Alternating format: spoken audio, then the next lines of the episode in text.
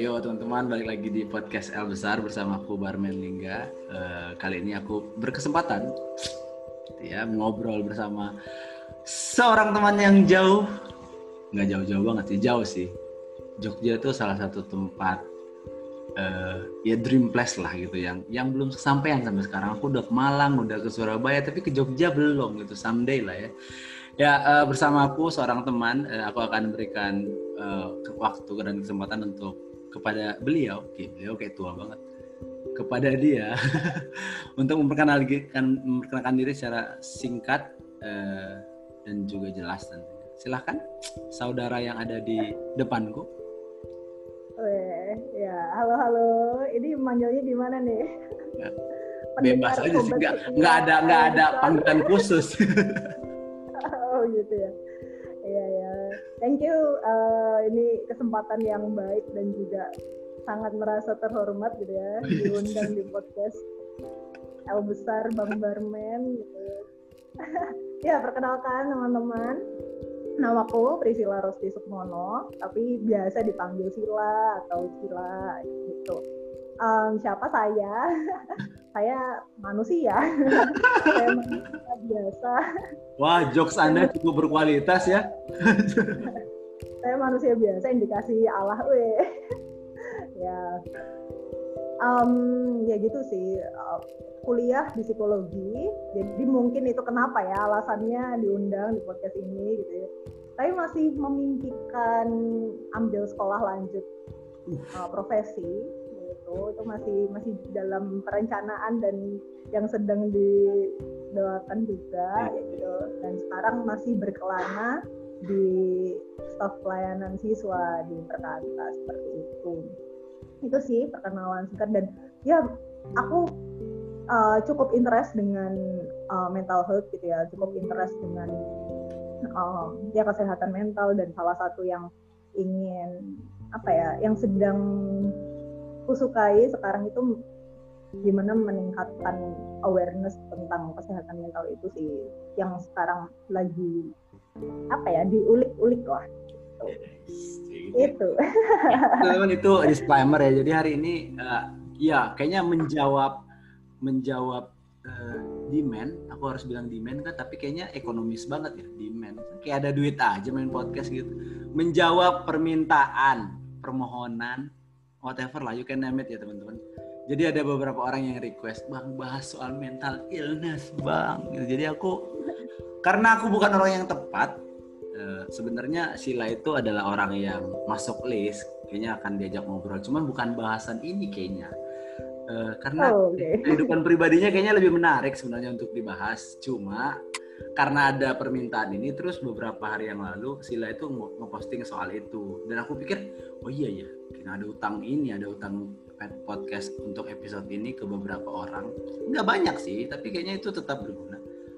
Uh, dan langsung kepikiran gitu langsung nge DM padahal kita WhatsApp punya terus chatting chatting di DM tuh rada aneh sih ada WhatsApp. Jadi akhirnya yes, yes. bertemulah uh, waktu yang tepat Sabtu malam uh, adalah waktu yang tepat untuk membicarakan ini di mana kayaknya kami berdua sama-sama kosong mungkin karena sama-sama meskipun ada yang ketiduran ya iya iya teman-teman kami uh, akan bicara ya aku khususnya tuh pengen banget bicara soal uh, mental health uh, aku akan mulai begini menurut Musil hari ini tuh mental health tuh uh, kenapa ya kayak jadi tren aku nggak tahu ya. Tahu kenapa jadi tren? Nah ini kecurigaanku aja atau enggak? Tapi dikit-dikit aku nggak tahu kalau di Instagram ya. Tapi kalau di Twitter tuh dikit-dikit eh, jangan dulu nanti mental health, mental illness, mental illness, mental illness. Kenapa ya? Kok kok kok bisa ceritain nggak sih? Kenapa itu sekarang kayaknya menjadi lifestyle? oh, ya, yeah, yeah, yeah. aku mencoba memahami ini ya uh, apa uh, pemikiran ataupun asumsi-asumsi itu gitu. Uh, ngelihatnya emang kayak sekarang mental health jadi kayak lifestyle gitu ya men ya. Hmm, kamu ngelihatnya sebenarnya satu sisi uh, sebagai orang yang apa ya cukup concern dan juga cukup mm, merindukan orang-orang aware dengan dengan apa kesehatan mental sebenarnya itu satu hal yang positif. Misalnya ketika melihat dari sisi itu gitu ya karena oh orang-orang jadi lebih notice nih gitu kan kalau uh, apa uh, manusia itu ada banyak dimensinya gitu kan nggak cuma fisik nggak cuma um, spiritual nggak cuma apa uh, sosial tapi juga ada emosi dan juga mental. Terus melihat dari sisi itu, oh berarti sekarang masyarakat Indonesia ataupun dunia itu tuh udah makin aware ya, itu satu hal yang baik gitu. Tapi memang um, ya gitu ya, kadang kayak pendulum gitu kan. Entah di kadang di ekstrim yang abe, entah kadang di ekstrim yang uh, jadi kayak berlebihannya kayak gitu. Aku pun juga uh, ada waktu di mana kok kayaknya jadi cukup ini ya uh, over ya uh, untuk apa um, apa ya labeling tentang mental illness ataupun mental health kayak gitu.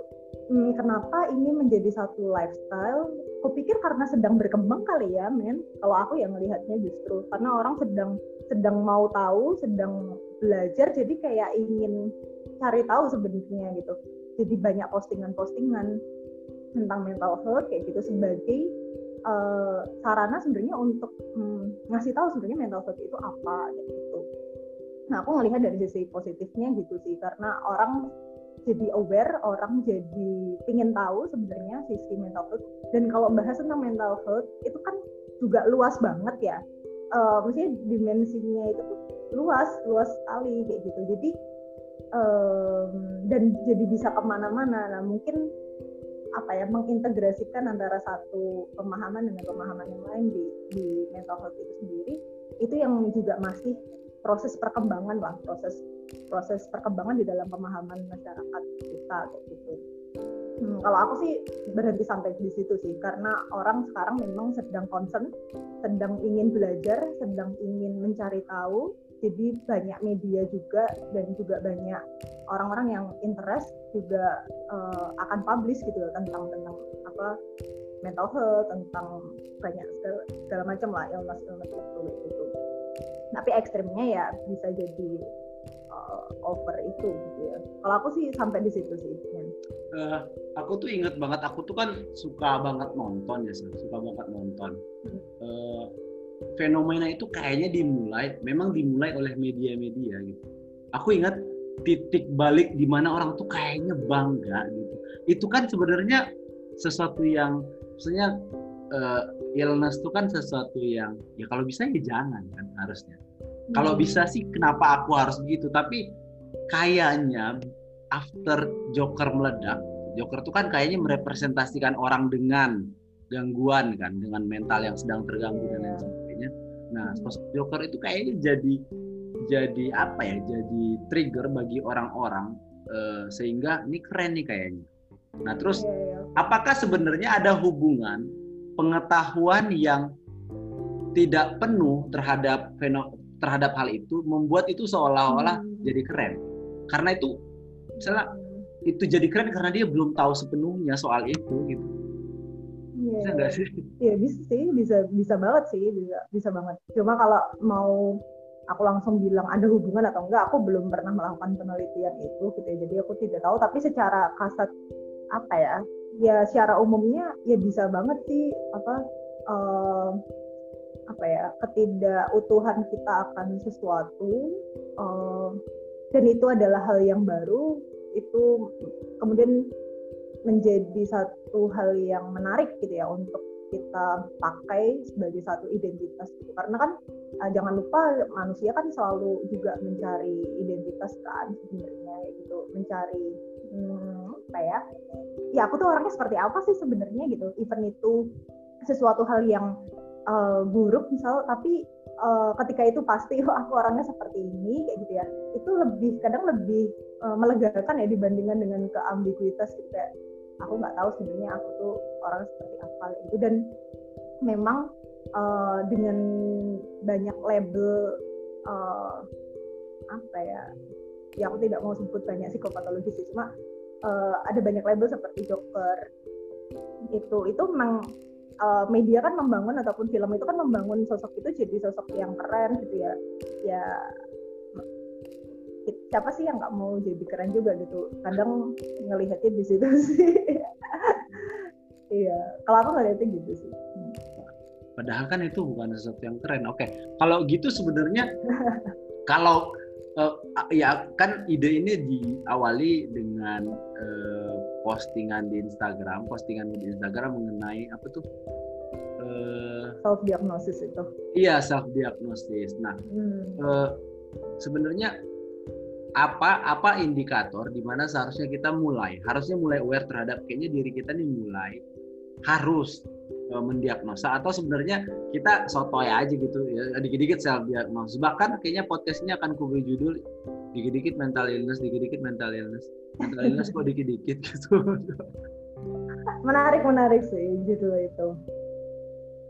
Um, sejauh mana kita mau apa diagnosis gitu ya atau sejauh mana kita uh, apa kayak perlu aware ini ada sesuatu hal yang salah ataupun ada sesuatu hal yang nggak beres dengan diri kita gitu kah? Ya. Aku perlu klarifikasi sih. Oh, Oke. Okay. Ya ketika apa ya kita merasa ada fungsi-fungsi di dalam diri kita yang tidak berjalan semestinya, gitu ya fungsi-fungsi hidup kita yang tidak berjalan semestinya dan uh, ada pola ataupun ritme hidup yang berubah gitu ya dan itu mengganggu mengganggu kehidupan kita ya gitu. Hmm, ada simptom-simptom yang mungkin itu muncul secara fisik juga gitu.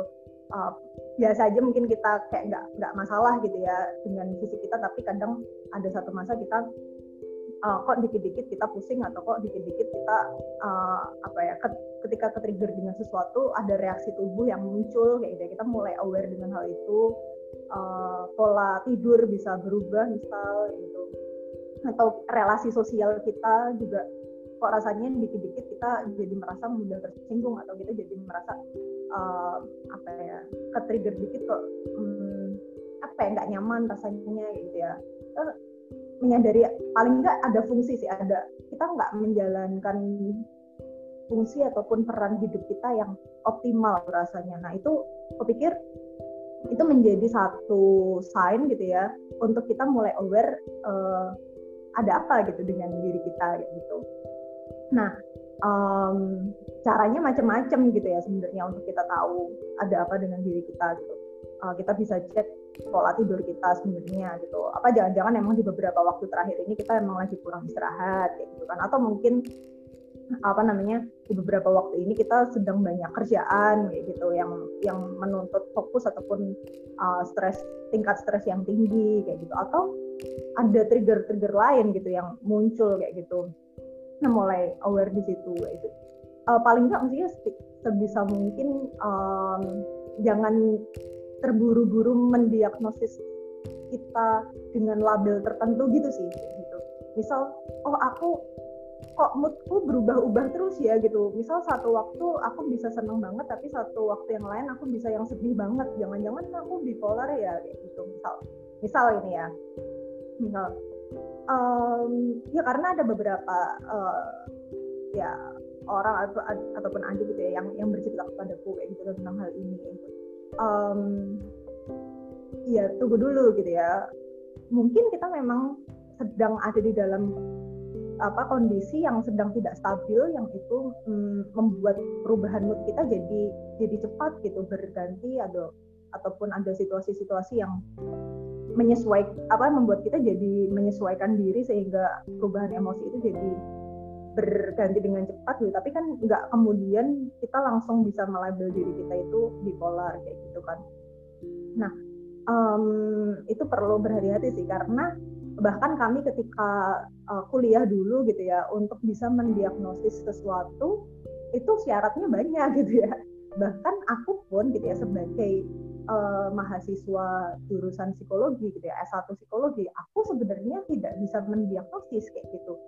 Aku belum bisa mendiagnosis. Yang bisa mendiagnosis itu psikolog gitu. Yang bisa mendiagnosis itu psikolog. Aku mungkin uh, sebagai orang yang belajar tentang psikologi aku mungkin mm, mengerti ada potensi ataupun ada kecenderungan-kecenderungan kayak gitu kan. Uh, tapi aku tidak bisa mm, melabelin atau langsung menegakkan diagnosis oh orang ini tuh uh, A atau B atau C kayak gitu. Itu nggak nggak bisa banget gitu. Bahkan kalaupun kami dulu kuliah diajarin untuk apa namanya mendiagnosis sesuatu ataupun belajar diagnosis itu paling nggak ada tiga tahapan yang harus dilalui gitu ya. Entah itu dari tes gitu ya tes terus habis itu dari observasi wawancara paling nggak ada tiga psikodiagnostik yang yang mesti dilakukan kayak gitu. Jadi kalau hmm, dan itu pun dilakukan oleh profesional gitu profesional yang juga perlu berhati-hati karena terkadang uh, satu apa ya indikator satu simptom dengan yang lain itu kadang mirip-mirip gitu. Um, ya ya bisa dibayangkan gitu ketika uh, secara umum secara awam kita uh, sangat apa ya gegabah dan sangat buru-buru untuk melabeli diri kita dengan satu uh, diagnosis tertentu yang ternyata sebenarnya kita nggak mengarah ke apa kita nggak nggak sana gitu meskipun mungkin ada kecenderungan kecenderungan gitu. Itu sih dan juga satu apa ya satu psikopatologis tertentu ataupun satu mental illness tertentu itu tuh spektrumnya pun juga uh, luas gitu ya. Spektrumnya tuh besar nggak nggak bisa yang langsung fix oh ini kayak gini enggak gitu. Ada spektrumnya itu tuh luas juga gitu. Apakah dia mild? Apakah dia itu uh, biasa aja atau emang dia itu butuh pertolongan khusus? Kayak gitu-gitu sih. Uh, well. berarti uh, aku tuh orangnya cukup sinis ya biasa. Aku tuh sangat sinis orangnya. Jadi oh iya.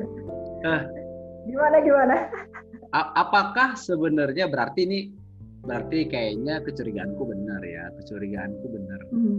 kalau dari penjelasanmu mengingat bahwa uh, untuk mendiagnosis aja ada banyak layer yang harus di dianalisa kan ada banyak layer yang harus diperhatikan dengan detail mungkinkah hari ini uh, isu ini itu digunakan oleh oleh kebanyakan orang itu sebagai ya ya wadah-wadah buat caper gitu kayak orang-orang butuh perhatian hmm. Karena kan bener ya seolah-olah kan itu bener-bener kayak butuh di di support butuh butuh apalagi tuh ini aku nggak tahu ya hasil teman-teman sekalian yang dengar podcast episode ini mungkin rada-rada berantakan, rada-rada lompat-lompat, tapi aku juga nggak benar-benar peduli teman-teman.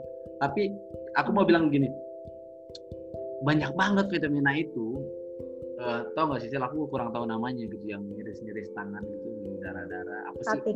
Ya. Atau apa ya. gitu. Maksudku kok kamu kan jenis ya, kamu kok caper banget sih gitu enggak maksud. Oh, okay, Okay. Nah, mungkin kayak itu tuh sekarang dijadikan media untuk untuk membuat dirinya itu diperhatikan.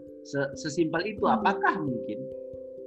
Kak, karena dari bukunya siapa ya? Aku lupa. Da, bukunya kayaknya literatur pantas sejak literatur pantas juga dia ngomongin soal depresi. Jadi kan sebenarnya ada kalau dari buku itu aduh aku sangat tidak legitimate ya bicara soal ini makanya agak agak aneh gitu. Jadi dia bilang ada paradoks dalam diri orang depresi satu sisi dia itu kesepian, satu sisi ketika orang datang dia juga nggak mau untuk didatangi. Hmm. Nah, sedangkan fenomena yang tadi ku ceritain itu kan bener-bener kau tuh kayak di Twitter itu banyak dapat retweet, Cil, kalau udah nunjukin foto tangan-tangan hmm. gitu. apa cutting. Iya, iya, iya. Selamat lah. Iya, iya. Hmm. Menarik sih, men, tentang itu Mungkin, mungkin, mungkin memang ada beberapa orang yang memanfaatkan itu sebagai satu ajang, ya, mestinya ajang pencarian bakat, bukan itu, ajang mencari perhatian bisa jadi. Tapi kita nggak bisa mengecilkan ada orang-orang yang juga struggle dengan hal itu, gitu. yang dia memang cutting karena dia tidak bisa mengekspresikan kesedihannya. Jadi perlu diwakili oleh sesuatu hal yang nampaknya nyata dan itu rasa sakit itu tuh bisa mewakili perasaan sesak di dalam dirinya itu keluar lewat sakit secara fisik itu kayak gitu karena ada gitu memang ada orang-orang itu nah entah ya di luar sana apakah kemudian ada pihak-pihak yang menjadikan itu sebuah tren gitu. Tapi kita jangan melupakan bahwa ada orang-orang yang struggle dengan itu gitu. Ada orang-orang yang memang berjuang gitu untuk sebenarnya dia nggak mau cutting dia nggak mau dia nggak mau cutting tapi dia melakukan itu karena terlalu sakit dan terlalu apa ya kalau aku pernah diceritakan. Dan aku pernah men uh, malam-malam aku dikirim foto dikirimin foto salah satu adik lah kayak gitu. Yang dia kirimin foto cuttingnya dan berdarah-darah di tangan. Aku sih ya, aku nggak usah perjelas lagi lah ya. gitu. Iya tapi dia apa ya aku panik juga ya waktu itu ya. Dan aku nggak bisa tiba-tiba ke rumahnya juga sih waktu itu. Karena kayaknya udah jam setengah 12 12 malam kayak gitu. Tapi dia bilang bahwa ya aku sedih kak. Maksudnya aku aku sedih dan aku sesak di dalam diriku tapi aku tidak bisa mengeluarkannya bahkan aku tidak bisa menangis kayak gitu. Cutting itu menjadi media untuk dia merasakan sakit yang lain kayak gitu sih. Kalau aku akan lebih melihatnya dari sisi gitu memang ada orang-orang yang mungkin memanfaatkan untuk tren dan mencari perhatian. Ya mungkin itu ada kebutuhan lain lah ya. Karena emang dunia ini kompleks ya men. Maksudnya uh, terus menerus apa ya ya perhatian itu memang menjadi kebutuhan sih gitu. Dan akarnya kebutuhan itu dia bisa pakai banyak cara termasuk cara-cara yang ekstrim gitu ya termasuk cutting dan lain-lain. Gitu. tapi aku akan lebih melihat bahwa ada orang-orang yang struggle gitu di, uh, dengan gumulan di cutting itu. Dan itu real kayak gitu. Dan itu sesuatu hal yang itu dia juga nggak mau melakukannya sebenarnya. Gitu. Dan dia memang butuh support waktu itu. Bukan untuk apa ya untuk uh, mencari perhatian dalam artian supaya dia dikenal dan lain tapi memang dia butuh perhatian karena dia butuh support itu karena dia kehilangan kehilangan support itu kayak gitu. Hmm kayak gitu sih. Agak emosional ya karena yeah. aku mungkin ngadepin satu satu case yang memang real sih. Perspektifmu uh, psikolog banget ya gitu dari sudut pandang. Oke. Okay. uh, eh, kalau sekarang misalnya ada yang nanya sih uh, kok bisa tahu nggak sih orang yang bener-bener struggle atau sebenarnya caper? Misalnya, misalnya gini, kalau dia kirim itu ke kau personal, ya aku sepakat. Kayaknya dia memang butuh, memang butuh didengar, butuh disakit. Karena itu benar-benar menyakitkan. Tapi kalau dia harus posting ke sosmed, apakah ini aku sinis banget sih kalau nggak ngerti ini. Uh, ya itu kakasanmu lah ya. Ya, bicara soal soal soal perasaan itu ada tumburan pasti sama logika. Maksud kalau kalau kau bisa ngelihat itu bisa membedakan itu nggak sih sih? Antara ini bener-bener struggle atau ini sebenarnya kau tuh sebenarnya ada persoalan lain deh. Cuman kayaknya kau menunggangi mental illness untuk aku sih ngelihat sekarang tuh kayak aku bilang fenomena mental illness tuh kayak ditunggangi sih. Ibaratnya dijadikan bahan pansos. Karena ini lagi happening, Oke-nya kalau yeah, pansus yeah. pakai mental illness nih uh, bakal work nih gitu.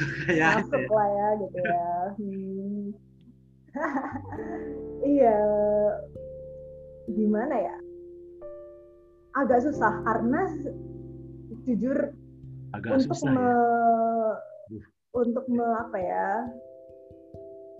melihat orang di dunia maya itu kan layernya juga banyak ya. Maksudnya kita nggak bener-bener tahu juga dia orang seperti apa sih sebenarnya gitu. Mungkin dia uh, akarnya di kesepian malah justru kayak gitu kan. Dan dia membutuhkan perhatian-perhatian itu untuk memenuhi kesepiannya kayak gitu ya. Um, atau memang dia mencari sensasi kayak gitu.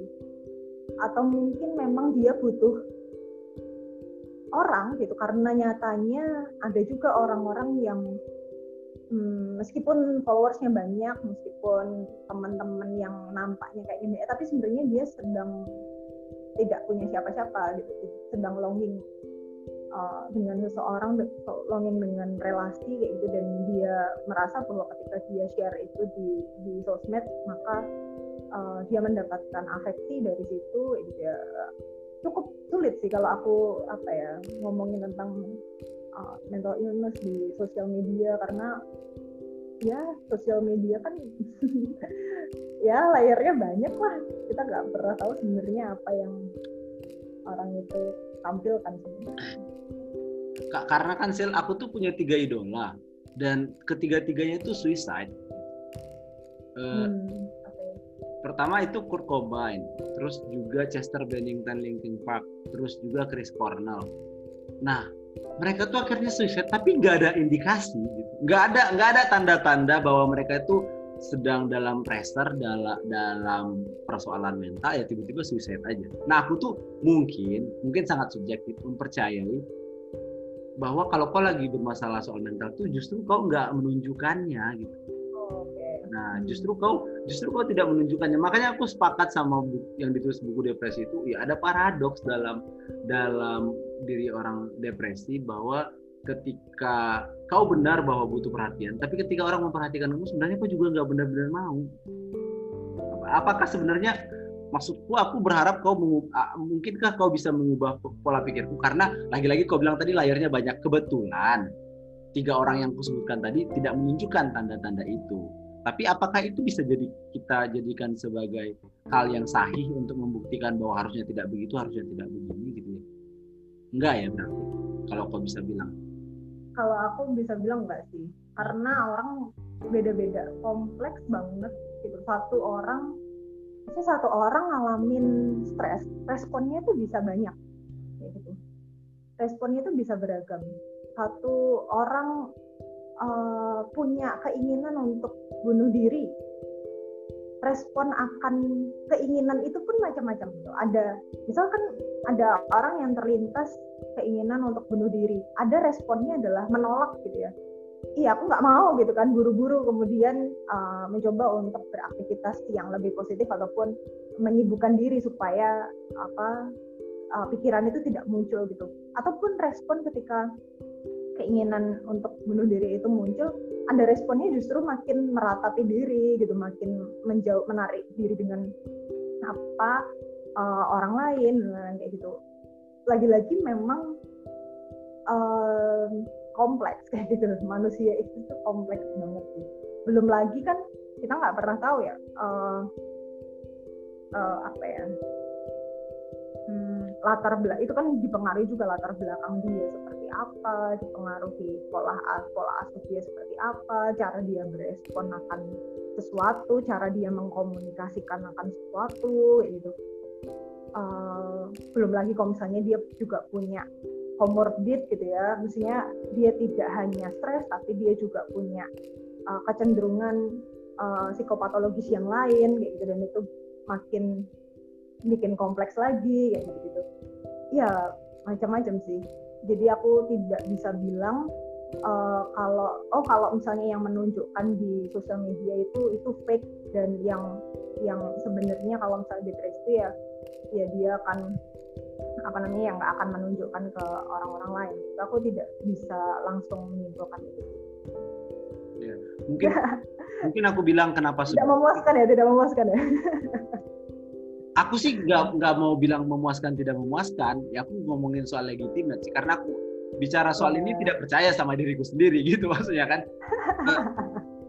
uh, uh, karena mungkin kayak tadi kau bilang kan masing-masing orang tuh hmm. berbeda dibentuk dengan kondisi-kondisi berbeda nah kebetulan kayaknya waktu waktu merenungkan kenapa ya kenapa kayaknya aku dulu pernah ada di, di titik itu aku tuh hmm. buka cerita ke AKK adik-adik tuh bahwa aku tuh pernah mau bunuh diri nah hmm. tapi ketika aku di titik terendah itu aku mau bunuh diri itu nggak ada yang tahu sekarang baru aku bisa menceritakan hmm. itu ternyata yeah, yeah. dari penjelasanmu itu make sense sih bahwa ya kenapa aku punya keyakinan itu ini maksudku hmm. membantu teman-teman juga yang mungkin punya pemahaman yang sama karena tidak tidak sedikit yang punya pemahaman yang sama kayak ini caper nih ini nggak caper nih padahal hmm. bisa aja iya kan gitu bisa aja iya. Ada ruang untuk hmm. menyatakan iya dan tidak itu. Nah eh, kebetulan aku mengalami hal yang sama dengan apa dengan tiga orang yang ku, ku ceritain tadi dengan tiga tokoh itu.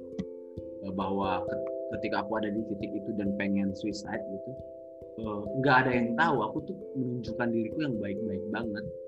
Uh, tapi bener di titik itu tuh aku memikir berbagai cara untuk mengakhiri hidup. Nah hmm. dalam masa-masa setelah jauh waktu akhirnya memulihkan itu di situ aku justru udah berani cerita ternyata itu bukan sebuah hal yang mutlak uh, aku sih berharap hmm. teman-teman yang dengar uh, bisa tahu ya maksudnya melihat uh, se, se bisa aware lah gitu melihat semua kondisi uh, jangan juga jadi ya karena ada yang kayak tadi aku bilang uh, ngeposting foto apa sih cuttingnya terus ya, ya. karena aku jadi bingung nih sih harus bersikap gimana jujur ya, ya. ketika ngelihat begitu karena pertama iya sih itu sakit pasti tapi aku melihatnya kenapa kayak caper banget ya bukankah bukankah support support itu ini ini logika yang salah ya. Aku tahu ini salah akhirnya setelah kau jelaskan tadi. Bukankah ini logika aku pada awalnya. Kalau misalnya mereka posting gitu, kita support yang semangat ya, semangat ya. Logika aku bilang bahwa ya dia merasa bahwa dia sedang diperhatikan. Nah, aku mau bilang, aku bilang dulu, ya udah nggak usah di, dihiraukan tuh orang-orang kayak gitu.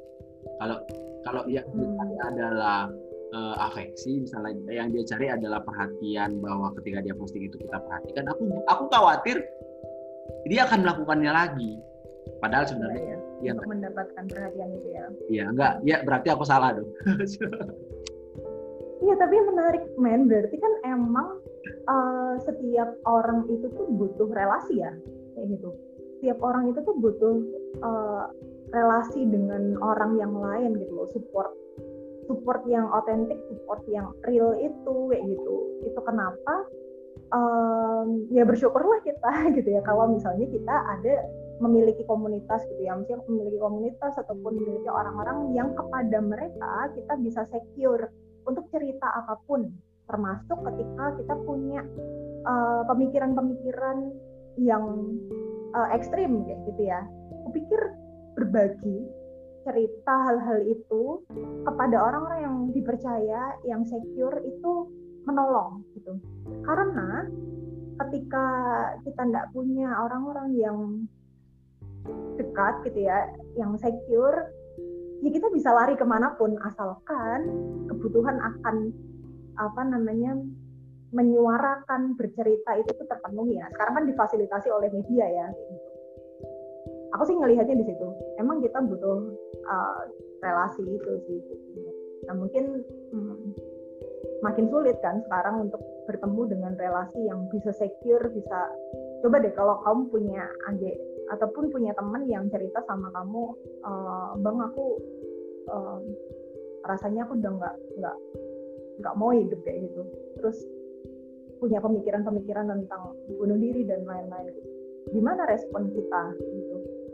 Apakah kita akan langsung ih janganlah janganlah udah gede-gede gitu.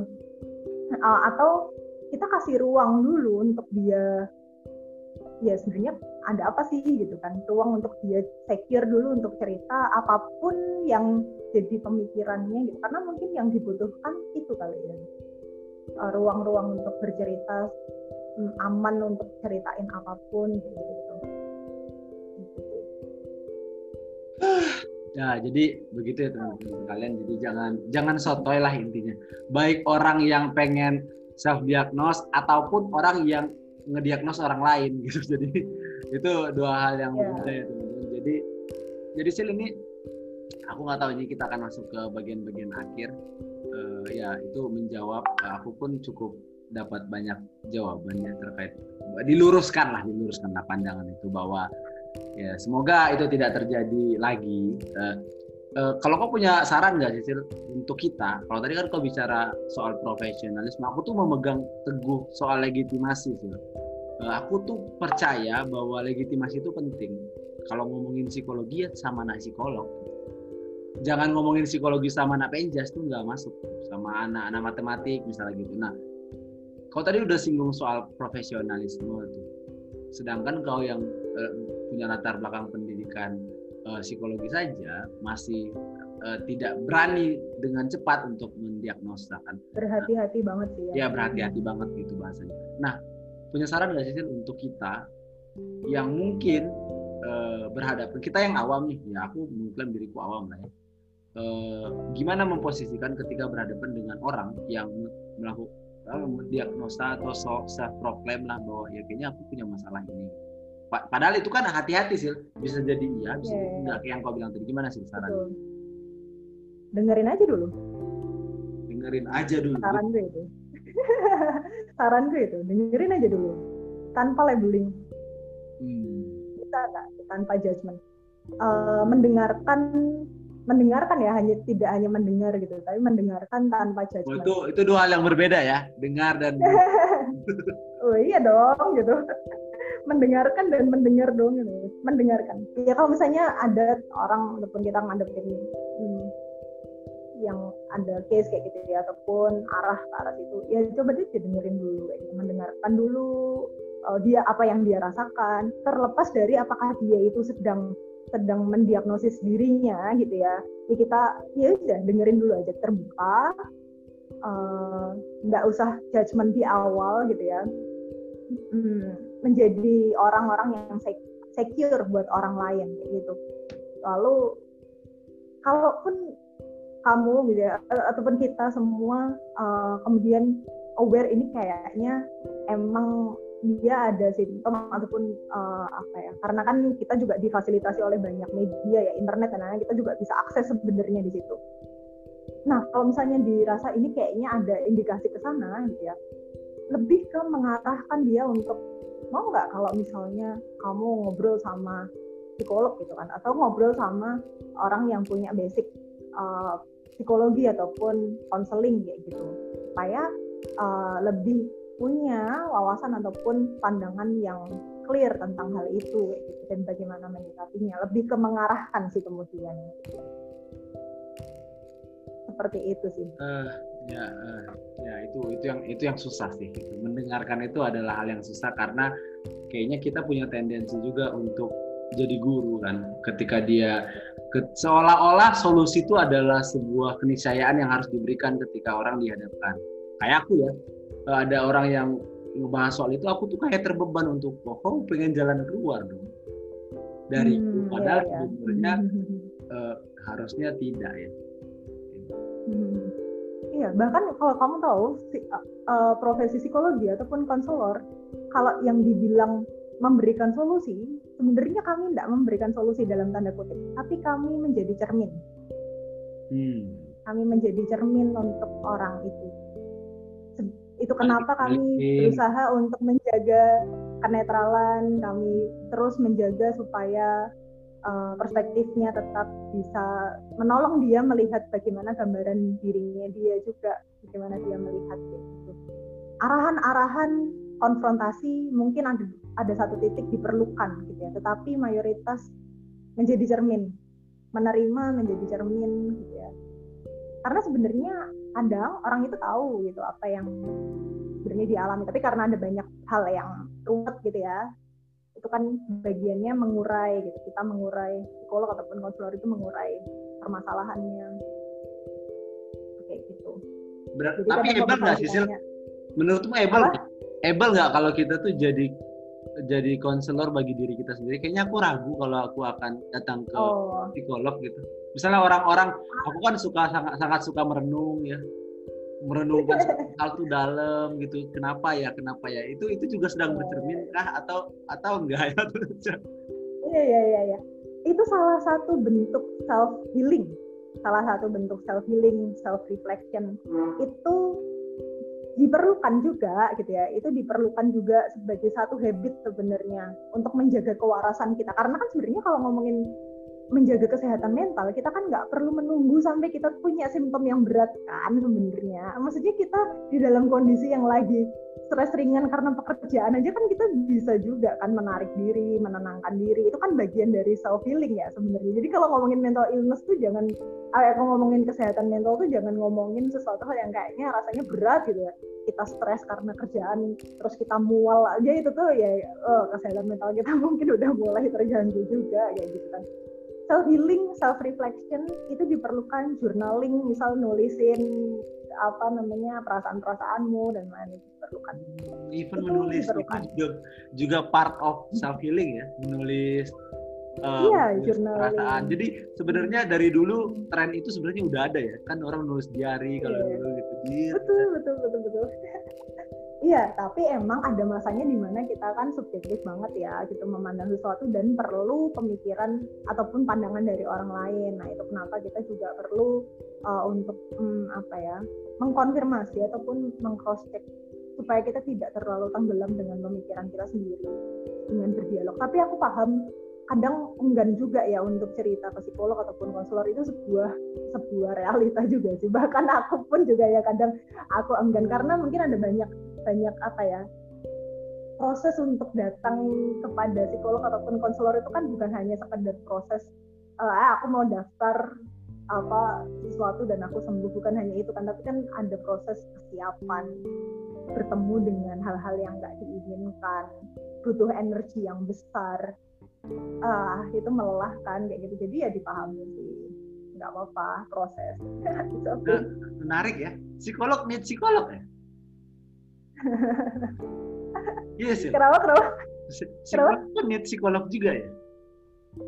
Psikolog? Kenapa? Maksudnya oh, kayak gini gini gini. Ini, ini, ini menarik banget. Kan tadi kok kau bilang bahwa ya aku paham bahwa uh, para konselor itu psikolog itu uh, jadi cermin. Uh, dalam artian itu membantu mengurai benang kusut kan? Dia dia dia tidak mau memberikan solusi yang konkret oh kau harus begini kau harus begitu. Aku pernah pernah masuk ke dalam simulasi itu melihat orang uh, aku punya masalah hmm. ini terus kenapa? Menurutmu gimana? Kan gitu gitu kan mengajukan hmm. mengajukan gitu. Nah psikolog kan udah tahu nih kayak kau lah yang punya latar belakang itu. Kau udah tahu bakal begitu dan kau akan tetap datang. Kalau akan tetap datang. Gimana? Kalau aku jadi kalau misalnya misalnya gini kau uh, ter, terjebak dalam bukan masuk dalam satu problem. Sedangkan kau udah tahu kalau kau datang ke, ke, ke, ke psikolog itu akan ya jadi cermin aja nggak akan ada solusi kok di situ. Dia akan membantu. Dan kau akan tetap oh. melakukannya. Makanya aku bilang tadi apakah psikolog need psikolog? Sedangkan aku, oh, aku ya. sedangkan aku ya Sil, aku yang udah tahu bahwa aku yang udah tahu bahwa uh, kayak kau bilang tadi itu adalah cerminan. Aku jadi merasa gini kadang kadang-kadang ya ini mungkin bentuk sinisme dan arogansiku aja. Ah nanti juga akan ditanyain juga kenapa. Ya udah mending aku bikin list pertanyaan-pertanyaan itu dan aku jawab sendiri. Ya mungkin itu sangat sinis dan arogan ya tapi kayak gitu lah. Nah, nah kalau kau gimana sih kau akan tetap gitu datang?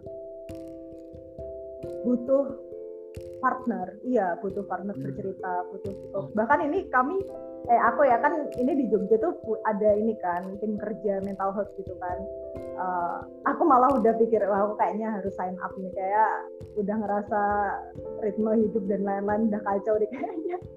Aku perlu sign up untuk daftar konseling ya ampun. Eh tapi btw uh, tadi kan aku sempat bilang ya psikolog hanya menjadi cermin dan rasanya kayak nggak apa ya ya udah jadi cermin aja. Uh, di dalam case-case yang ringan ya kayak gitu ya. Tetapi kalau misalnya memang apa ya diperlukan intervensi ataupun apa ya treatment itu juga bisa legal di, dilakukan oleh psikolog. Karena kan uh, ya itu tadi ya spektrum spektrum psikopatologis itu kan beda-beda ya. Ada yang memang dengan dialog dengan reflektif itu bisa, tapi ada juga yang memang harus dengan treatment, nah, harus ada intervensi kayak gitu. Dan ya itu sih beda-beda. Ya, aku sih percaya itu gitu bahwa psikolog itu sebagai cermin uh, di lapisan terluar ke dalam-dalam sih aku cukup yakin itu ah, ada banyaklah keribetan dan ke ke kebingungan-kebingungan. Cuma memang kayak aku bilang tadi itu ya maybe itu arogansiku aja ya untuk tidak tidak mau. Aku tuh pernah ya sil uh, ya hmm. dalam satu camp bersama satu kampus teologi lah di Jakarta. Uh, hmm. Jadi ada sesi untuk konseling. Aku hmm. takut loh, aku takut. Ini apa? Oh ya? iya.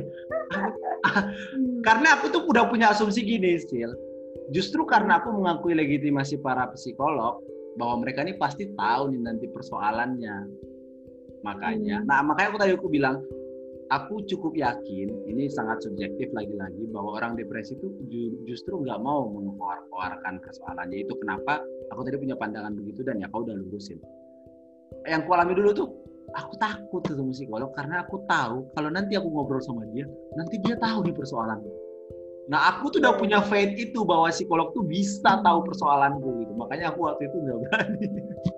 Dan kamu belum siap ya waktu itu. Iya. Eh, ya, tapi benar, menarik.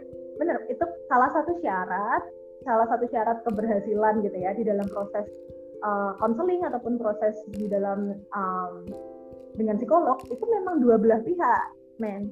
Hmm. Jadi memang kesiapan kesiapan dari klien ataupun konseling itu diperlukan dan juga tentu dari psikolog itu juga gitu ya. Jadi kalau misalnya ada uh, misal aku merekomendasikan nih orang satu adik misal A, Dek coba deh kamu apa ngobrol sama psikolog ataupun konselor kayak gitu kan. Tapi kalau misal adik itu sendiri belum siap, ya itu nggak akan berhasil. Dalam tanda kutip ya itu nggak akan berjalan dengan baik prosesnya karena dia sendiri juga belum siap. Nah makanya uh, bahkan sampai di titik untuk datang itu pun itu sudah sangat mengapresiasi banget sih kalau ada orang-orang yang emang berani berani apa ya mengakui bahwa oh ada ada sesuatu nih yang nggak beres denganku dan aku ingin tahu kenapa dan aku ingin uh, memperbaiki ataupun aku mau diproses di dalam proses konseling ataupun dengan psikolog itu aku udah mengapresiasi dan wah luar biasa kamu berani banget sih gitu. karena itu tidak mudah memang. Butuh kesiapan kerelaan hati kesediaan diri untuk dilihat hidupnya ya gitulah. Dan itu kan kadang nggak mengenakan kok uh, tapi iya, salut uh, that, that's why ya siapa pun yang hari ini dengar podcast ini kalau kalau kalian dipercayakan oh, untuk dipercayakan sebuah cerita sebuah beban ya harusnya itu uh, tidak bisa jadi bahan bercandaan untuk sekedar dilewatkan ya. misalnya kita tiba-tiba diceritain orang bang aku mau cerita soal itu. Aku justru kadang-kadang tuh kayak dia bisa ke yang lain aja nggak bisa ke iya. yang lain aja nanti bukan masalah ini mengabaikan nanti nggak masuk spektrum kita deh nggak masuk frekuensi dan aku akan hmm. coba mulai uh, membangun uh, perspektif yang baru soal ini aku kira sih begitu ya melihat mengingat bahwa ya ada banyak layer ada banyak spektrum yang harus dibahas uh, ketika ngomongin soal mental illness. Terus ini sih aku nggak tahu ya ini pertanyaan usil aja. Dari tadi aku kayaknya melihat ada tendensi dari dirimu untuk menghindari gitu, untuk mengucapkan mental illness dan sebagainya. Itu itu ada persoalan nggak sih soal terminologi itu? Hmm, iya sih, maksudnya apa ya? entah ini uh, general atau aku aja ya. Cuma memang aku cukup berhati-hati sih dengan mengu mengucapkan kayak kerasa gitu, kerasa gitu. ya ya ya. Walaupun katanya kalau logis ya, ternyata kau merasa juga kan ya. iya, tapi memang betul sih.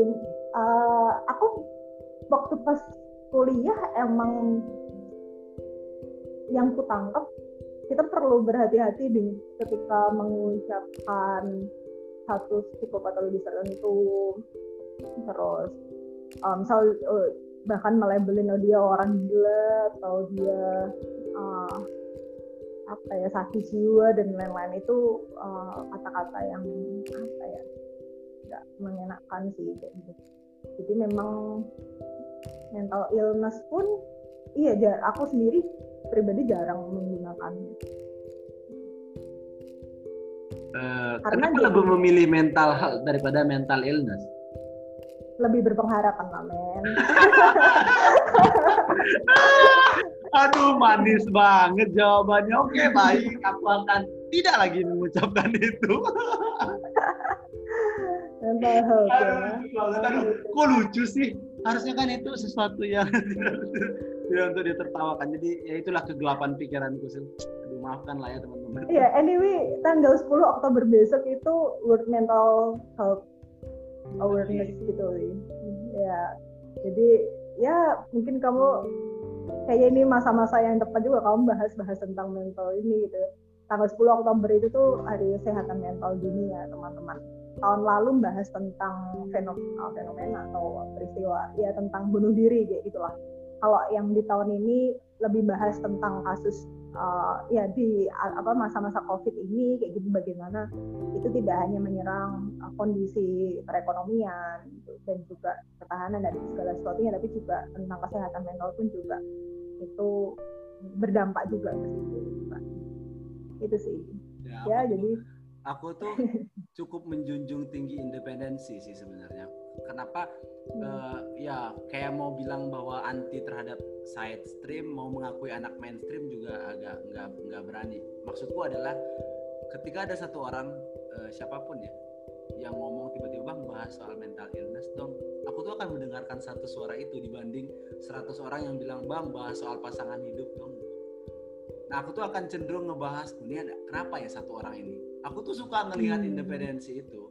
Makanya ya ada hmm. satu yang ngebahas minta juga itu ya ini ada, ada. Ya semoga semoga siapa pun yang kemarin minta dan hari ini dengar uh, menjawab ya. Eh tapi kadang-kadang nggak semua hal lah. Nggak nggak terjawab juga nggak apa-apa. Nggak semua hal harus di punya konklusi. Uh, ya gitu ya.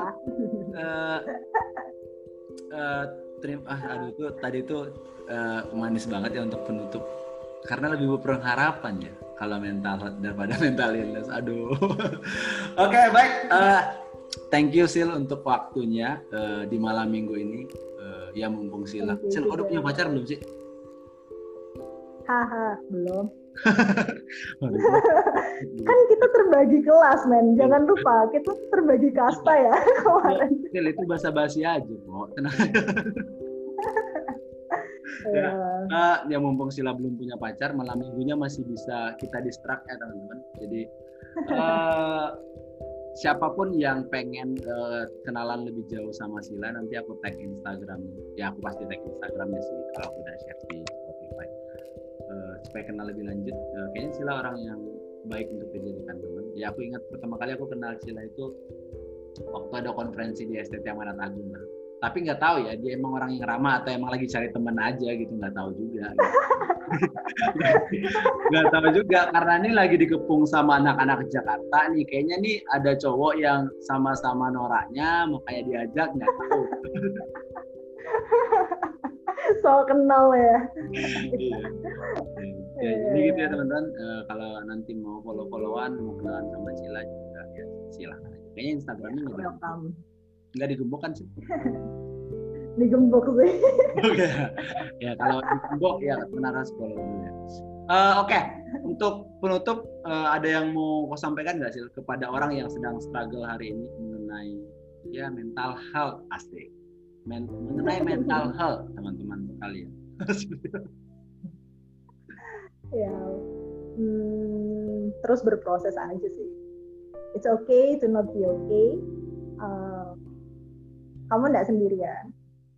Tetap semangat thank you uh, banget. Terima kasih banget. Ya uh, ya sekali lagi makasih Cil uh, untuk pertemuan hari ini. Eh pembicaraan hari ini. Kita udah lama nggak ketemu. Terakhir ketemu itu Januari. Semoga pandemi ini segera berakhir uh, dan kita bisa ketemu lagi. Untuk teman-teman sekalian yang mendengarkan podcast El Besar tetap jaga uh, kesehatan tetap patuhi protokol protokol kesehatan pakai masker cuci tangan eh, ya, dua meter makan, makan olahraga supaya kita terhindar dari COVID-19. Tapi kalaupun kena, wis, kalaupun kena ini pakai bahasa teologinya Ibu Inawati, ya itu mungkin karena Tuhan berkehendak ya. uh, ya, ya, ya. Oke okay, teman-teman, uh, sampai jumpa di podcast El Besar uh, episode selanjutnya. Aku sih kepikiran akan ngebahas ini. Uh, mungkin begini aku kepikiran akan ngulik lebih lebih jauh mengenai ini karena ini benar-benar datang dengan kekosongan dan aku tuh tidak benar-benar cari tahu soal ini tiba-tiba ngajak sila ngomong jadi kalau teman-teman dengar ini rada-rada lompat-lompat hmm, ya pembuka lah ya ini ya, ya. advertiser uh, ya, ya. cuman nanti aku akan coba kulik lagi uh, dan cari kira-kira segmen apa yang bisa konkret untuk dibahas jelas Uh, Oke, okay, sampai di sini saja pertemuan kita. Uh, ya, sampai jumpa di episode selanjutnya. Yap, dadah Sil. Yeah, thank you.